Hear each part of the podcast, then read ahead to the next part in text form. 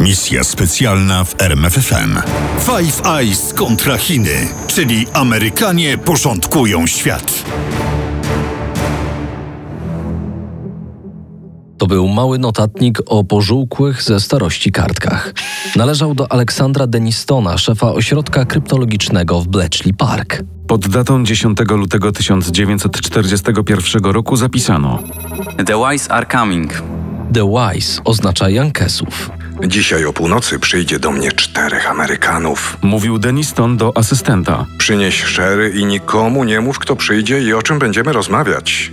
Od niepozornej notatki i butelki zapewne nie najgorszej szery zaczęła się współpraca kryptologów brytyjskich i amerykańskich, która przetrwała próbę czasu, kilka kryzysów i trwa do dziś. Warto dodać, że do wspomnianego przez Denistona spotkania doszło na 10 miesięcy przed przystąpieniem Stanów Zjednoczonych do wojny. A wszystko za sprawą mądrego stratega, premiera Winstona Churchilla. Churchill dobrze rozumiał ideę streszczoną w prostym zdaniu. Informacja to najskuteczniejsza broń generałów. Postanowił więc dać im tę broń do rąk. A żeby była możliwie najbardziej skuteczna, doszedł do wniosku, że najlepiej będzie, kiedy dwie grupy szpiegów podzielą się swoimi najbardziej wrażliwymi sekretami. W końcu Wielka Brytania za sprawą polskich kryptologów złamała niemiecki kod Enigmy. A Stany Zjednoczone poradziły sobie z japońskim kodem Purple. Po dwóch latach nieformalnej współpracy rządy Wielkiej Brytanii i Stanów Zjednoczonych podpisały brytyjsko-amerykańską umowę, znaną również jako porozumienie BRUSA. Amerykanie i Anglicy wspólnie przechwytywali rozmowy Niemców i razem pracowali nad łamaniem szyfrów. Ta współpraca przyniosła bardzo dobre wyniki. Praktycznie alianci wiedzieli o każdym planie strategicznym Hitlera i znali założenia kolejnych operacji Wehrmachtu. Kiedy II wojna światowa dobiegła końca, powinno zakończyć również współpracę porozumienie BRUSA. Tymczasem nic takiego nie nastąpiło. Przeciwnie, 5 marca 1946 roku w Waszyngtonie podpisano nowy tajny traktat, tym razem pod nazwą UK-USA. Kanadyjski naukowiec Vucetic twierdzi, że siłą sprawczą porozumienia było słynne przemówienie Winstona Churchilla na temat żelaznej kurtyny, wygłoszone dokładnie tego samego dnia. To znaczy 5 marca 1946 roku. Ani zapobieganie wojnie, ani wzrost porządku światowego nie zostaną osiągnięte bez braterskiego porozumienia narodów anglojęzycznych. Mam tu na myśli kontynuację ścisłych relacji między doradcami wojskowymi Stanów Zjednoczonych i Wielkiej Brytanii, co w praktyce powinno się przejawiać wspólnym analizowaniem potencjalnych zagrożeń. Wkrótce potem rozpoczęły działanie brytyjska GCHQ i amerykańska NSA. O ile skrót NSA, National Security Agency, Narodowa Agencja Bezpieczeństwa, jest powszechnie znany, O tyle GCHQ. Government Communications Headquarters, centrala łączności rządowej, nie funkcjonuje w świadomości społeczeństwa.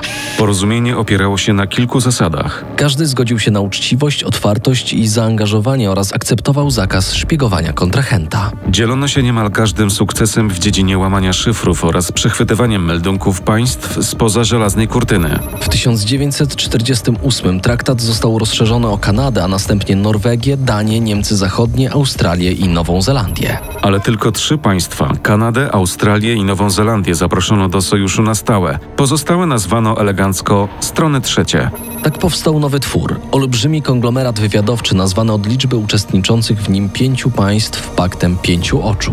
W oryginale brzmi to lepiej Five Eyes. W dobie zimnej wojny agencje wywiadowcze pięciu państw dzieliły się informacjami na temat Związku Radzieckiego, Chińskiej Republiki Ludowej i w razie potrzeby również kilku innych krajów komunistycznych. Podczas wojny wietnamskiej australijscy i nowozelandcy operatorzy w regionie Azji i Pacyfiku pracowali bezpośrednio na rzecz wsparcia Stanów Zjednoczonych. A w tym samym czasie ich brytyjscy koledzy koncentrowali się na monitorowaniu obrony powietrznej Wietnamu Północnego. W latach 80. w czasie wojny o Falklandy Brytyjczycy otrzymywali dane wywiadowcze od swoich sojuszników z Five Eyes, takich jak Australia. A także od stron trzecich, głównie z Norwegii i Francji. W czasie wojny w Zatoce Perskiej podsłuchiwano urzędy w Kuwejcie i Iraku. a w międzyczasie powstał Echelon, o którym już w misji specjalnej opowiadaliśmy. Tym razem przypomnijmy tylko kilka istotnych szczegółów. Powstał pod koniec lat 60. XX wieku w celu monitorowania korespondencji wojskowej oraz dyplomatycznej Związku Radzieckiego i jego sojuszników. Lecz pod koniec XX wieku wyewoluował poza swoje militarne i dyplomatyczne korzenie w, tu cytat, globalny system przechwytywania komunikacji prywatnej i handlowej. Wybuchły afery w Wielkiej Brytanii i krajach Unii Europejskiej. Według niektórych słusznie, według innych nie, bo przecież bezpieczeństwo narodowe powinno mieć pierwszeństwo przed prywatnym. Razem jesteśmy więksi niż suma naszych części. Mówił w wywiadzie dla BBC Jeremy Fleming, dyrektor GCHQ. A potem rozwinął to motto. Nasz sojusz określa, w jaki sposób dzielimy się analizami i informacjami o łamaniu szyfrów. To od dziesięcioleci pomaga chronić nasze kraje i sojuszników. Każda agencja ma na oku pewną część świata. Na przykład GCHQ monitoruje hakerów z rosyjskiej agencji wywiadu wojskowego GRU. Kiedy znajdą coś ciekawego, przekazują informacje wywiadowcze sojusznikom. Podobno Brytyjczycy odkryli włamanie GRU do Komitetu Narodowego Demokratów podczas wyborów prezydenckich w 2016 roku. Można się zastanowić, czy Rosjanie sami złamali rządowe zabezpieczenia Stanów Zjednoczonych, czy może ktoś im w tym pomógł. W maju 2013 roku niejaki Edward Snowden wyleciał z Hawajów do Hongkongu. Mniej więcej w tym samym czasie w prasie brytyjskiej i amerykańskiej pojawiły się artykuły napisane w oparciu o tajne dokumenty wywiadów spod szyldu Five Eyes. Nie trudno się domyślić, że pojawienie się Snowdena w Hongkongu i publikacje w prasie miały ze sobą wiele wspólnego. Bo to Snowden był źródłem wiedzy dziennikarzy o Five Eyes. Były pracownik NSA Edward Snowden ujawnił skalę inwigilacji prowadzonej pod nadzorem Stanów Zjednoczonych. W wywiadzie dla The Guardian powiedział: Nie chcę żyć w świecie, w którym wszystko, co robię i mówię, jest rejestrowane. Moim jedynym motywem jest informowanie opinii publicznej o tym, co jest robione w ich imieniu i co jest robione przeciwko nim. Przez pięć lat Snowden wahał się, czy ujawnić nieetyczną jego zdaniem działalność Five Eyes. W końcu się zdecydował. Przekonał go fakt, że cały ten proceder toczy się bez świadomości społecznej i nadzoru prawnego. Five Eyes jest ponadnarodową organizacją wywiadowczą, która nie podlega przepisom prawnym własnych krajów. Snowden nie zasiedział się w Hongkongu. Po trzech dniach wyleciał do Moskwy. Samolot wylądował na lotnisku Szeremietiewo, a Snowden utknął w terminalu. Wiele osób wciąż nie zdaje sobie sprawy, że nigdy nie zamierzałem wylądować w Rosji. Trafiłem tu przez przypadek. Jak wyglądał ten przypadek? Otóż e, Mówił dalej Snowden. Rząd Stanów Zjednoczonych zaczekał, aż wyjadę z Hongkongu. Anulowano mój paszport, zanim wylądowałem w Moskwie. Snowden wpadł w pułapkę. Z nieważnym paszportem nie mógł opuścić lotniska.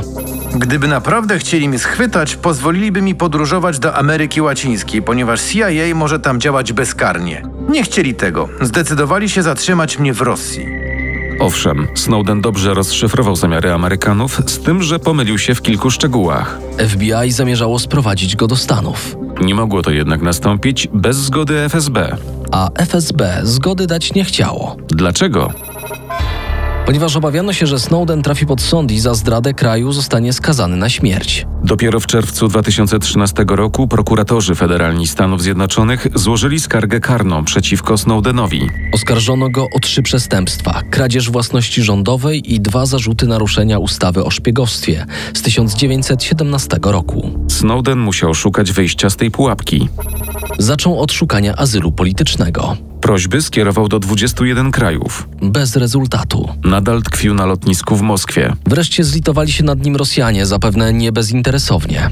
Po 39 dniach w sekcji tranzytowej Snowden opuścił lotnisko i otrzymał tymczasowy azyl w Rosji na rok. A potem dwukrotnie dostał pozwolenie na pobyt trzyletni. W październiku 2020 roku dostał prawo stałego pobytu w Rosji. Nie ma dowodów na to, że Snowden rzeczywiście pomagał hakerom GRU ingerować w wybory prezydenckie za oceanem. Być może pomogły w tym wykradzione przez niego dokumenty. A było ich sporo, choć trzeba przyznać otwarcie, dokładna liczba nie jest znana. Zdaniem oficerów australijskiego wywiadu wyciekło 15 tysięcy akt dotyczących Australii. Brytyjczycy swoje straty szacują na 58 tysięcy akt. Amerykańskie NSA waha się między liczbą 50 a 200 tysięcy. Potem pojawiła się oszałamiająca liczba miliona siedmiuset tysięcy. Odtajnione raporty mówiły, że z samego tylko Departamentu Obrony Snowden skopiował 900 tysięcy akt. Podobno niektóre z nich mają nawet ponad 100 stron. Dziennikarze największych światowych redakcji mieli o czym pisać. W ciągu kilku miesięcy temat tajnego sojuszu Five Eyes pojawił się na stronach najważniejszych magazynów. Guardian, Washington Post, Der Spiegel, Le Monde. Za ujawnienie prawdy o Five Eyes i zainicjowaniu wielkiej debaty publicznej na temat zakresu rządowego szpiegowstwa, dziennikarze The Guardian i Washington Post otrzymali nagrodę Pulitzera. Świat dowiedział się, że zbieranie i udostępnianie danych obejmowało rozmowy i korespondencje zwykłych obywateli, a także osobistości politycznych. Takich jak kanclerz Niemiec Angela Merkel czy były prezydent Rosji Dmitrij Miedwiediew. Rewelacje Snowdena uczyniły szum wokół sojuszu Five Eyes. Prasa i parlamenty krajów najbardziej zaangażowanych w ten proceder zażądały wyjaśnień. W Kanadzie sędzia federalny Richard Mosley ostro zganił krajowy wywiad za zlecanie nadzoru Kanadyjczyków zagranicznym agencjom partnerskim.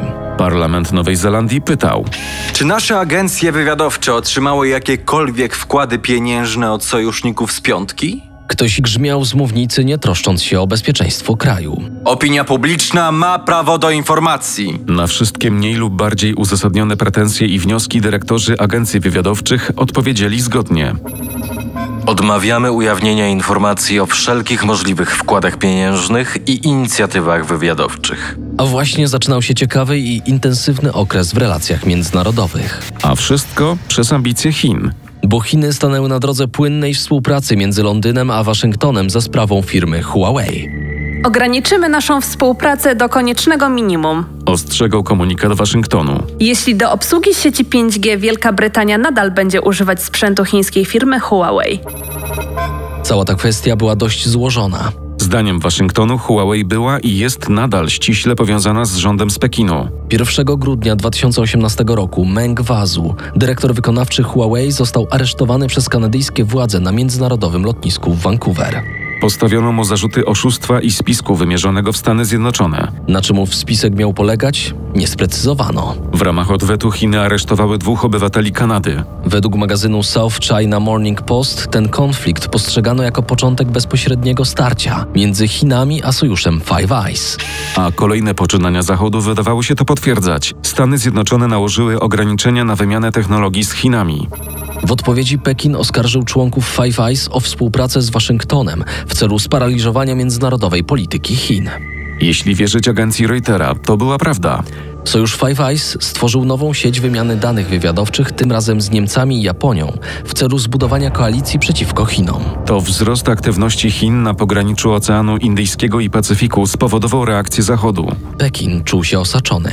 Nic więc dziwnego, że często i głośno protestował. Australii zarzucono, że chce doprowadzić do przeprowadzenia międzynarodowego dochodzenia w sprawie pochodzenia epidemii koronawirusa. A ponieważ do głosu Canberry dołączyły pozostałe stolice piątki, sprawa wydawała się niebezpieczna. W Pekinie z dużą dozą prawdopodobieństwa podejrzewano, że oficjalne wnioski z tego śledztwa oskarżą Chiny o spowodowanie światowej pandemii. Konsekwencje polityczne i gospodarcze takiego wyroku mogły być dla Pekinu tragiczne. W czerwcu 2020 roku Pekin odezwał się ponownie. Stany Zjednoczone wykorzystywały Five Eyes oraz sojuszników z G7 i NATO do prób kontrolowania świata.